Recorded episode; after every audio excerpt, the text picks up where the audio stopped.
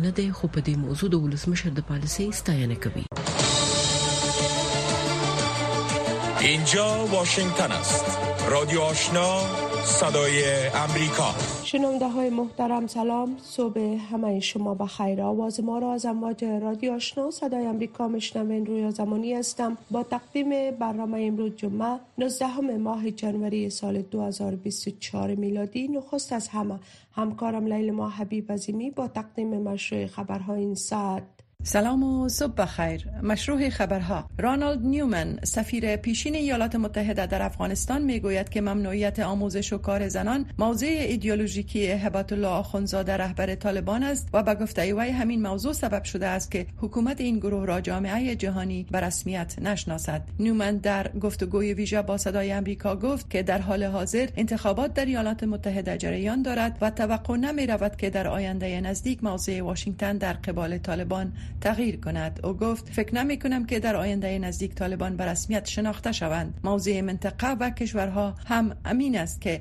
به رسمیت شناخته نشوند. طالبان برخورد با مسئله زنان را موضوع داخلی خوانده گفتند که این گروه خواهان روابط نیک با کشورهاست و لازم می داند که کشورها در این زمینه نیز مکلفیت هایشان را انجام دهند. مرکز خبرنگاران افغانستان می گوید که خیرالله خیرخواه سرپرست وزارت اطلاعات و فرهنگ حکومت طالبان با فرستادن نامه به ها بر رعایت برخی از موارد در نشراتشان تاکید کرده است. حفظ هویت ملی خودداری از کاربرد اصطلاحات بیگانه و نشر آزانهای پنجگانه موارد است که در این نامه با آن اشاره شده است. مرکز خبرنگاران افغانستان دیروز پنجشنبه 18 جنوری با نشر اعلامیه گفت که در این نامه پایداری بقا و حفاظت از زبانهای ملی و رسمی افغانستان در نشرات رسانه ها مطرح شده است. اما در این نامه هیچ اشاره نشده است که رسانه ها کدام موارد بیگانه را به کار بردند و از بکارگیری کدام واژه ها الفاظ و اصطلاحات آنچه که خیر الله خیرخواه بیگانه خوانده است خودداری کنند. با این حال مرکز خبرنگاران افغانستان می‌گوید که اخیرا وزارت اطلاعات و فرهنگ حکومت طالبان و استخبارات این گروه برخی از مسئولان رسانه ها را برای چگونگی استفاده از زبان های ملی افغانستان احضار کرده و تحت فشار قرار دادند رسانه ها از احتمال از سرگیری پروازهای خطوط هوایی ترکیه Turkish Airlines به کابل با گذشته اضافه از دو سال تاخیر خبر می دهند برخی از رسانه های محلی افغانستان چهارشنبه 17 جنوری گزارش دادند که این موضوع در دیدار میان حمیدالله آخونزاده سرپرست وزارت ترانسپورت و هوانوردی طالبان با جنک اونال شارژدافیر سفارت ترکیه در کابل مطرح شده است. اونال در شبکه اکس یا توییتر سابق در مورد از سرگیری پروازهای خطوط هوایی ترکیه به کابل یادآوری نکرده اما گفته است که در دیدار با سرپرست وزارت ترانسپورت طالبان خواهان تقویت روابط ترانسپورتی میان افغانستان و ترکیه شده است. خبرهای منطقه و جهان را از رادیو آشنا صدای امریکا دنبال می کنید ایران آمار جان باختگان حمله راکتی پاکستان بر منطقه سراوان را نه تن گزارش داده است. خبرگزاری ایرنا دیروز پنجشنبه 18 جنوری در شبکه اکس یا توییتر سابق خود به نقل از معاون امنیتی ولایت سیستان بلوچستان نوشته است که دو مرد نیز جزء جان باختگان حمله راکتی صبح دیروز پنجشنبه در یکی از روستاهای مرزی به نام سراوان هستند.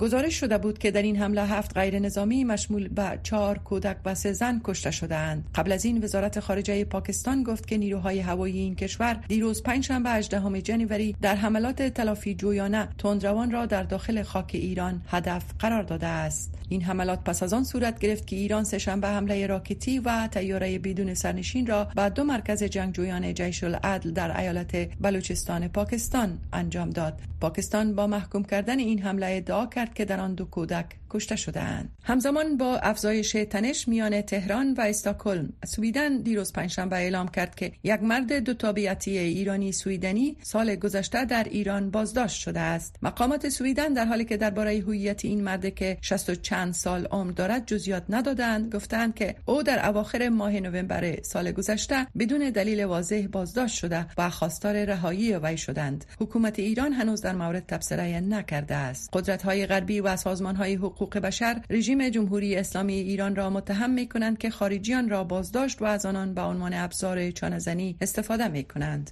وزارت خزانهداری امریکا دیروز پنجشنبه تحریم های جدید مرتبط به روسیه را علیه یک شرکت کشتیرانی امارات متحده عربی و 18 کشتی صادر کرد. مقامات این وزارت گفتند که این شرکت بارچلانی بحری نفت روسیه را با قیمت بالاتر از سقف 60 دلار فی بشکه از سوی ائتلاف بین المللی و رهبری امریکا تعیین شده انتقال داده است. اعلامیه وزارت خزانهداری ایالات متحده افزوده است که دفتر کنترل دارایی های خارجی این وزارت OFAC شرکت کشتیرانی هنسیا مستقر در امارات متحده عربی را تحریم کرده که به گفته این وزارت مالک نهایی 18 نفت کش است. نیروهای اسرائیلی که برای تصرف شهر اصلی در جنوب نوار غزه می جنگند دیروز پنجشنبه 18 جنوری مناطق را در نزدیکی بزرگترین شفاخانه ای که هنوز در این منطقه فعال است بمباران کردند. این حملات بیماران و باشندگان محل را مجبور به فرار از منطقه کرده است. خبرگزاری رویترز به نقل از پرسنل صحی انجمن دکتران بدون مرز می گوید که بیماران و پناهجویان که در شفاخانه ناصر پناه آورده اند وحشت زده فرار می کنند. این خبرگزاری همچنان گزارش می دهد که سنگین ترین نبرد سال تا کنون همین اکنون در خانیونوس در جریان است. شهری که پناهگاه صدها هزار نفر است که از اوایل جنگ از شمال فرار کردند جنگ در غزه اکنون در چهارمین ماه خود قرار دارد.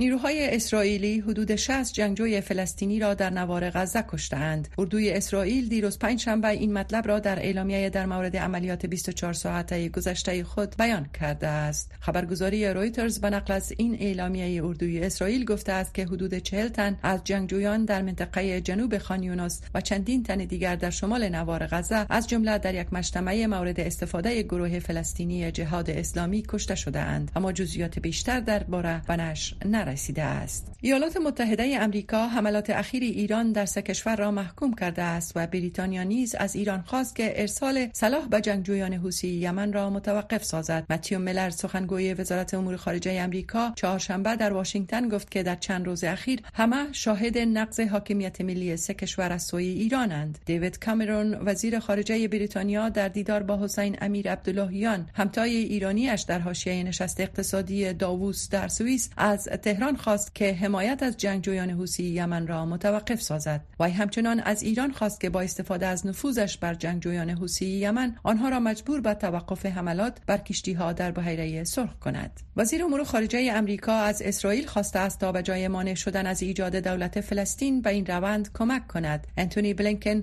17 جنوری در اجلاس اقتصادی داووس در سوئیس سخنرانی می کرد که خواهان دریافت راهها برای ایجاد دولت فلسطین شد. این درخواست بلینکن با توجه توجه به حمایت واشنگتن از اسرائیل در جنگش با گروه حماس مطرح شده است. ایالات متحده امریکا و اتحادیه اروپا حماس را به عنوان سازمان تروریستی می‌شناسند. وزیر خارجه امریکا در اظهارات خود گفت که دولت موثر فلسطین می تواند تنها با حمایت و کمک اسرائیل فعالیت کند نه اینکه با مخالفت فعالانه این کشور روبرو شود. پایان مشروع خبرهای افغانستان جهان تا این ساعت از رادیو آشنا صدای امریکا شنونده های محترم شما خبرها را شنیدید و حالا می پردازیم به گزارش های این بخش برنامه. چنان به نظر می رسد که رئیس جمهور بایدن و دونالد ترامپ رئیس جمهور پیشین ایالات متحده باری دیگر در انتخابات ریاست جمهوری ماه نوامبر سال 2024 در برابر هم قرار گیرند.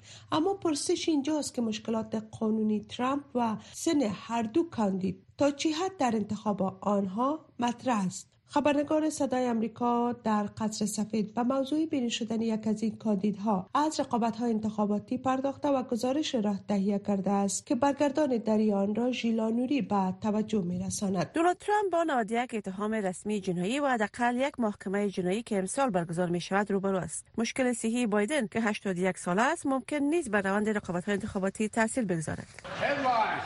سرخط اخبار عمر بایدن یک مسئله است اما عمر ترامپ نیست. یا هم مسئله سن ترامپ که 77 ساله است مطرح است. شب بزرگ در ماه نوامبر خواهد بود که ما کشور خود را پس بگیریم. اما در صورتی که یکی از نامزدها فوت شود یا نتواند در انتخابات ماه نوامبر اشتراک کند چه اتفاق خواهد افتاد؟ هرگاه این کار قبل از جلسات نامزدی انتخابات حزب مربوط صورت بگیرد برخی ها ممکن تاریخ های رایگیری مقدماتی را تمدید کنند تا نامزدان بیشتر در رقابت های انتخاباتی شامل شوند. برندگان انتخابات مقدماتی به طور رسمی نامزد رئیس جمهوری هر حزب را در جلسه نامزدی انتخابات اعلام می کند جمهوری خواهان در ماه جولای دموکرات ها در ماه آگوست این کار را می کنند جان فورتیر می گوید که هرگاه یکی از نامزدان پیشتاز از انتخابات بیرون شود و هیچ نامزد آرای اکثریت یا به دست نیاورد نمایندگان انتخاباتی کسی دیگری را نامزد خواهند کرد. نمایندگان آزادی های زیادی برای مذاکره خواهند داشت کسی را انتخاب کنند. ممکن کسی را که در رقابت ها شرکت نکرده است انتخاب کنند. این مسئله قبلا در تاریخ ما اتفاق افتاده است. اما این کار و جلسه نامزدی انتخابات تعلق دارد که تصمیم بگیرد چه کسی نامزد حزب جمهوری خواه و کی نامزد حزب دموکرات خواهد شد. در صورتی که یکی از نامزدان از جلسه نامزدی انتخابات بیرون شود احزاب نمایندگان را دوباره گرد هم خواهد آورد تا جاگزین را انتخاب کنند. اما هیچ تضمینی وجود ندارد که نامزد معاون ریاست جمهوری خواهد بود و نمایندگان بار دیگر رای خواهند. اما در صورتی که انتخاب کنندگان توافق نکنند چه اتفاق خواهد افتاد؟ مایکل تورنین کارشناس مرکز سیاست دو حزبی چنین توضیح می‌دهد. در آن صورت انتخابات به مجلس نمایندگان راجع می شود اگر هیچ کدام از نامزدان انتخابات اکثریت آرا را برنده نشده باشند و به همین دلیل انتخابات ممکن به وضعیت برسد که از صدها سال بدین سو با آن روبرو نشدیم. در صورت در گذشته رئیس جمهور منتخب کانگرس انتخابات را به تاریخ 6 جنوری تصدیق می کند و معاون رئیس جمهور منتخب به رئیس جمهور مراسم تحلیف رئیس جمهوری را به جا می آورد هر یکی از این سناریوها می تواند پروسه را شدیدا پیچیده بسازد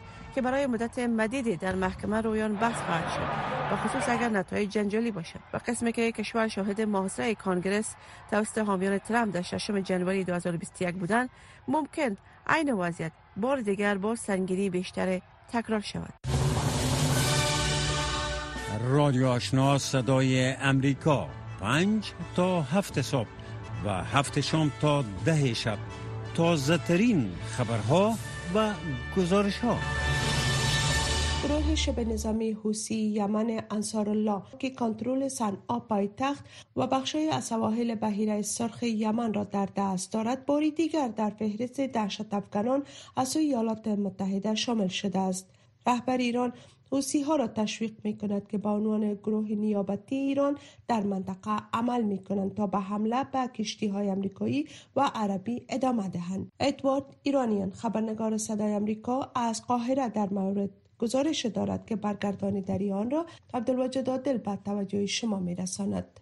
حوسی های یمن روز سه شنبه به کشتی با بیرق مالتا در خلیج عدن حمله کردند. پس از حملات شدید به کشتی های بین‌المللی در روزهای اخیر علی خامنه ای رهبر ایران که حوسی ها را حمایت می کند از آنها خواست به حملات خود همچنان ادامه دهند یحیی سری سخنگوی نیروهای نظامی حوسی ها گفت که آنها به حمله به کشتی های امریکایی و انگلیسی ادامه خواهند داد و به دنبال انتقام از حملات امریکا و بریتانیا به نیروهای آنها در روزهای اخیر خواهند بود. نفذت القوات البحریه فی القوات نیروهای بحری با استفاده از میسایل های بحری یک کشتی امریکایی را در خلیج عدن هدف قرار دادند و منجر به اصابت مستقیم و دقیق شد. حوسی ها پس از حمله به یمن همه کشتی های امریکایی و انگلیسی را اهداف مشروع دشمن می دانند و هیچ حمله جدید بدون پاسخ نخواهد بود. صلاح الغبار تلگر یمنی به اسکای نیوز عربی گفت که ایران در تلاش است تا ادعا کند که بحیره احمر یک آبراه حیاتی برای آن است و در صورت لزوم می تواند این بحیره و تنگه هرمز را در هنگام درگیری ببندد مهرداد خونساری تحلیلگر ایرانی مقیم لندن و دیپلمات سابق و صدای امریکا می‌گوید که تهران نمی‌تواند بهیره احمر یا تنگه هرمز را ببندد و فقط از لفاظی ها برای اهداف تبلیغاتی استفاده می کند. او استدلال می کند که حوسی ها نیابتی های مفیدی هستند اما عمدتا یک انحراف از ثروتهای مهمتر ایران مانند حزب الله می باشند. مرداد خونساری می گوید Iranians,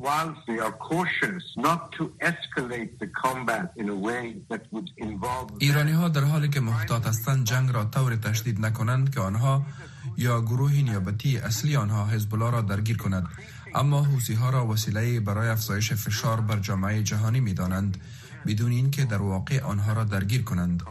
در حال حاضر اگر اسرائیلی ها به حزب الله حمله کنند مسلما ایرانی ها درگیر می شوند. خونساری می افزاید که حملات حوسی ها اسرائیل را از تعقیب حزب الله منصرف می کند و به عنوان یک انحراف بسیار مناسب برای ایرانی ها عمل می کند تا توجه را از مناطق مهمتر به سمت آن معطوف کنند. تیودور کاراسیک تحلیلگر خلیج فارس مستقر در واشنگتن به صدای آمریکا می‌گوید که حملات امریکا و بریتانیا به حوسی ها آشکارا با هدف کاهش توانایی های نظامی آنها صورت می‌گیرد. These strikes are important and meant to degrade the capacity این حملات مهم و با هدف کاهش ظرفیت توانایی حوسی ها است که ایران از آنها حمایت می کند و این شواهد غیر قابل انکار است. آنها با هم ربط دارند و در نتیجه این عمل تا وقت ادامه می یابد که تاثیرات لازمه را به میان بیاورد زیرا این روند روند تشدید است کاراسیک همچنین اصرار دارد که مشاجره دیپلماتیک در پشت صحنه از طریق چنل های مختلف مذاکره بین کشورهای کلیدی خلیج فارس با بسیاری از مواردی که او آن را چرخش و معامله می نامد در جریان است. رادیو آشنا صدای امریکا. پنج تا هفت صبح و هفت شام تا ده شب. تازه ترین خبرها و گزارش ها شما آواز ما را از لابلای برنامه های خبری رادیو آشنا صدای امریکا مشنوین در پی حملات اخیر ایران بر پاکستان حکومت پاکستان روز پنجشنبه از انجام حملات هوایی در قلمرو ایران خبر داد. اسلام آباد گفته است که در این حملات مواضع دهشت افغانان را هدف قرار داده است. درست قبل ایران با ارائه دلیل مشابه حملات راکتی بر قلمرو پاکستان انجام داد. با وجود که حملات میان هر دو کشور نگرانی ها در مورد افزایش تشنج در شرق میانه را برانگیخته است ولی پاکستان و ایران می‌گویند که خواستار گسترش وضعیت به وجود آمدن نیستند. سید عزیز الرحمن در مورد گزارش می‌دهد. دو روز پس از حملات ایران بر خاک پاکستان اسلام آباد روز پنجشنبه از انجام حملات هوایی بر قلمرو ایران خبر داد در این حملات که به گفته وزارت خارجه پاکستان در برابر مواضع دهشت افغانان صورت گرفت حداقل هفت نفر کشته شده است اقدام صبح امروز با توجه به اطلاعات موثق مبنی بر فعالیت های قریب الوقوع و گسترده این دهشت افغانان علیه پاکستان صورت گرفت. حملات پاکستان در ولایت سیستان بلوچستان ایران صورت گرفته است. به قول از یک منبع امنیتی پاکستان افراد کشته شده در این حملات به جبهه آزادی بلوچستان مرتبط بودند. به گفته ایران افراد کشته شده شهروندان آن کشور نبودند ولی تلویزیون دولتی ایران گفته است که وزارت خارجه آن کشور حملات پاکستان را محکوم کرده است.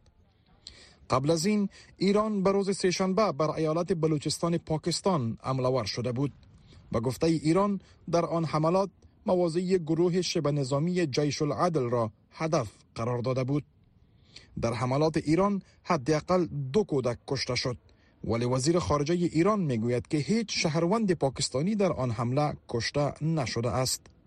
در مورد پاکستان هیچ یک از اتباع کشور همسایه دوست و برادر ما پاکستان مورد هدف پهباد و موشک های ایران نبودند گروهی موسوم به جیش العدل که یک گروه تروریستی ایرانی است و در بخشهایی از مناطق پاکستان در استان سیستان و بلوچستان پاکستان پناه گرفته اند و ما بارها در مورد اون با مقامات عالی رتبه نظامی، امنیتی و سیاسی پاکستان گفتگو کردیم.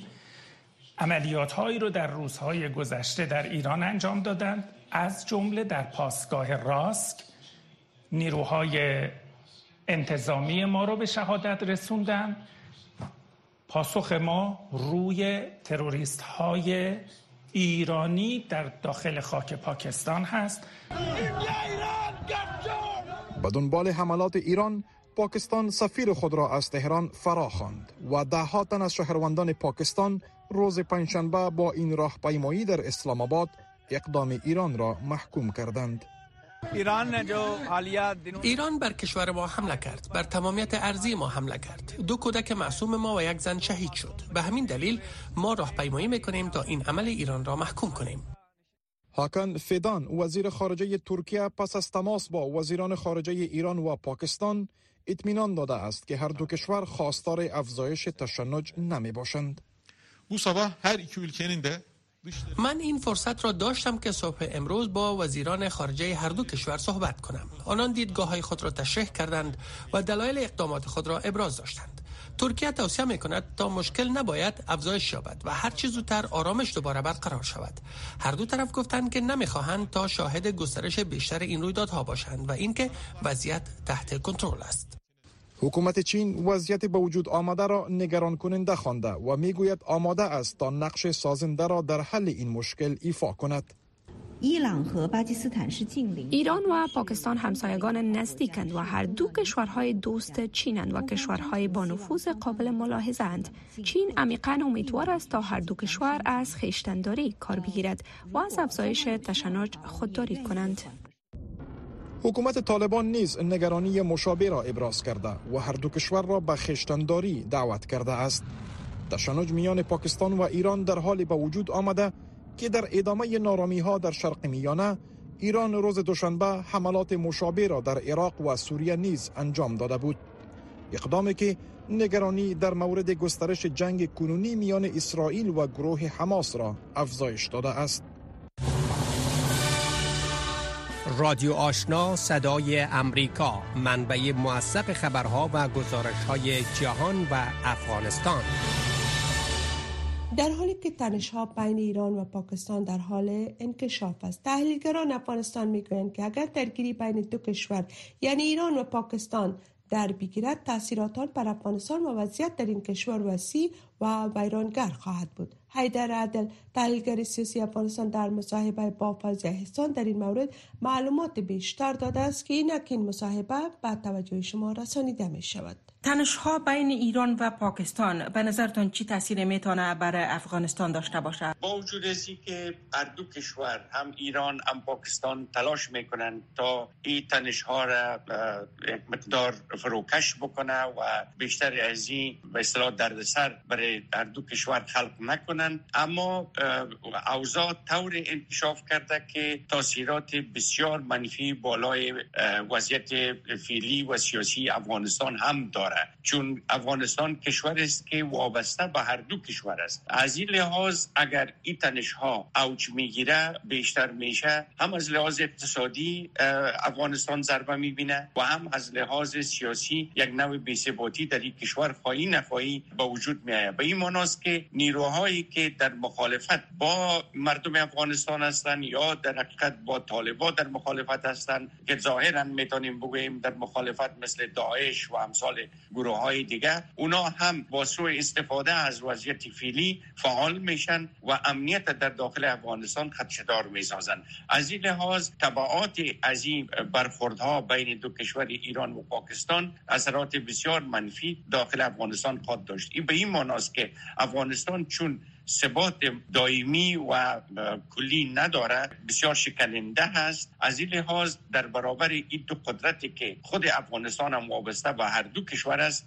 نمی‌تونه مسیر بیطرفانه خود یا مسیر نرمال خود تعقیب بکنه. او گروه هایی که در ایران فعال هستند ضد دولت ایران یا او گروه هایی که در پاکستان فعال هستند ضد دولت پاکستان به احتمال قوی اگر جنگ آغاز شوه یا این تنش ها شدت پیدا بکنه اونا راه دیگه ندارن به جز از که بیان داخل افغانستان شوند. و داخل افغانستان شدن از اونا هم یک دردسر هم برای مردم افغانستان است. و هم عواقب بسیار وخیم خود داشت چون این کشورها مطمئنن که نمی‌گذارن که این گروه ها به شکل که به اصطلاح بخواین آزادانه فعالیت کنند در داخل خاک افغانستان اونا را به اصطلاح نادیده بگیرن. از اون لحاظ احتمال زیاد داره که این حملات حتی در داخل افغانستان هم علیه این گروه ها صورت بگیره. به این لحاظ موقع افغانستان طور است که بسیار شکننده هست هم از لحاظ اقتصادی هم از لحاظ سیاسی و این تبعات بسیار وخیم خواهد داشت. به نظرتان افغانستان مجبور به جانبداری از یکی از طرفها در تنشها خواهد شد؟ موقعیت طالبا طور نیست که بتونن مستقیما جانبداری بکنن طالبا چیز به دست ندارن پشتوانی مردمی ندارن پشتوانی بین المللی ندارن یک رژیم به رسمیت شناختن نیستن اونا نمی‌تونن موزیگیری معین در قبال این مسئله داشته باشند و اگر موزیگیری بکنن اولین مشکلات و اولین ضربات را که متقبل خواد شوند خود از اینا خواد باشند از جانب دیگه طالبا تقریبا می‌تونیم بگوییم به دسته های مختلف تقسیم هستند یک گروه از اینا وابسته به ایران است یک گروه از اینا وابسته به پاکستان است. ظاهرا ما می‌دانیم می‌فهمیم که طالبان بیشتر وابسته به پاکستان هستند حتی می‌تونیم بگوییم که امی لحظه تمام رهبری طالبان به دست پاکستانی ها هست. اما در اینجا اگر اینا استادگی بکنن یا به جانب پاکستان یا به جانب ایران واضح هست که تبعات بسیار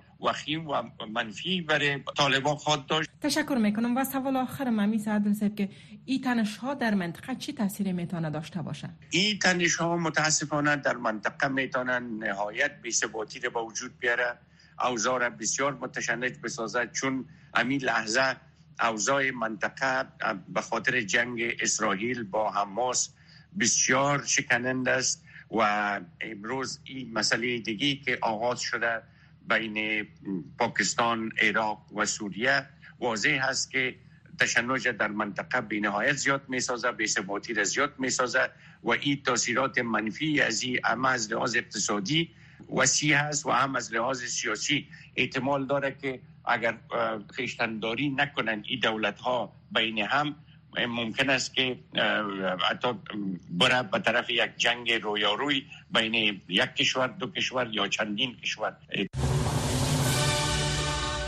رادیو آشنا صدای امریکا. پنج تا هفت صبح و هفت شام تا ده شب. تازه ترین خبرها و گزارش ها در ادامه گزارش ها از امواج رادیو آشنا صدای امریکا تسریع در روند پذیرش پناهجویان در کانادا در مقایسه با امریکا سبب هجوم مهاجران به این کشور شده است. مشاوران امور مهاجرت در کانادا می‌گویند که در کنار آسانی در پذیرش مهاجران چگونگی پیوستن سایر اعضای خانواده و بیمه رایگان صحی از مواردی است که پناهجویان امریکا را به مقصد کانادا ترک می کنند فرشاد صالحی در مورد گزارش می طبیعت زیبای کانادا حالا برای ترابزه یادآور روزهای تلخ و دردناک مهاجرت غیرقانونی است. پس از روی کار آمدن دوباره طالبان به قدرت ترابزه از ترس انتقام جویی های این رژیم به برازیل رفت. سپس دل به دریا زد و با گذر از جنگل های وحشی پاناما و آمازون و یازده کشور به گونی غیرقانونی خود را با آمریکا و سپس از آنجا وارد خاک کانادا شد. کانادا لرازی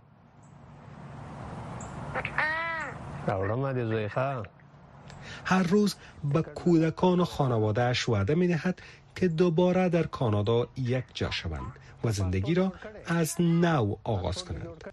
می‌گوید هنگام که افغانستان را ترک کرد کودک خردسالش فقط یک سال و چند ماه داشت. اما امیدوار است در سه سالگی او را دوباره در آغوش بگیرد. در جنگل پاناما خانمی را دیدم که به پایین افتاده بود و مرده بود و جسدش در آنجا باقی مانده بود. افرادی که با او بودند آنجا را ترک کرده بودند. فرد دیگری که از یک کشور افریقایی بود در مسیری را مشکل گرده پیدا کرد و سپس در آنجا جان داد چون در آنجا هیچ دکتر و خدمات صحی وجود ندارد. او ده سال به عنوان برنامه ساز، گرداننده و ویرایشگر متن در تلویزیون های معتبر افغانستان کار کرده است. حالا برای حمایت خانواده هفت نفریش در افغانستان سرگرم کار تکثیرانی در شهر تورنتو است. آرزو داشت هنگام ورود به آمریکا در آنجا بماند اما طولانی بودن روند پناهندگی او را واداشت به کانادا پناهنده شود. به دلیلی در امریکا نماندم که روند پذیرش پناهندگی در آنجا طولانی بود. ضرورت داشتم که زودتر با خانوادم یک جا شوم به همین دلیل به کانادا آمدم. در کانادا روند مهاجرت آسان و سریع است. پس از یک سال تاییدی اقامت دائمی را گرفتم و درخواست برای یک جا شدن خانوادم را دادم و ممکن به زودی با آنها یک جا شوم مشاوران امور مهاجرت در کانادا می‌گویند کانادا سیاست های نرمتری در مقایسه با ایالات متحده آمریکا برای پذیرش پناهجویان دارد و روند بررسی سندهای پناهجویان حدود یک سال را در بر می‌گیرد. تسریع پروسه های پناهندگی در داخل کانادا نسبت به امریکا می‌تونه توجه پناهنده را بیشتر جلب کنه به خود. چگونگی پروسه پیوستن اعضای باقی مانده خانواده در کانادا و بیمه صحی در کانادا می‌تونه که از عوامل باشه که روی توجه بیشتر پناهنده ها یا ترجیح دادن کانادا نسبت به امریکا تاثیرگذار باشه. کانادا پس از سقوط افغانستان به دست طالبان چهل هزار افغان را به این کشور پذیرفت.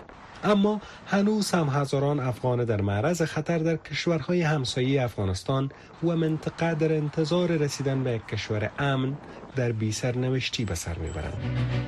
شنونده های محترم این بود داشته های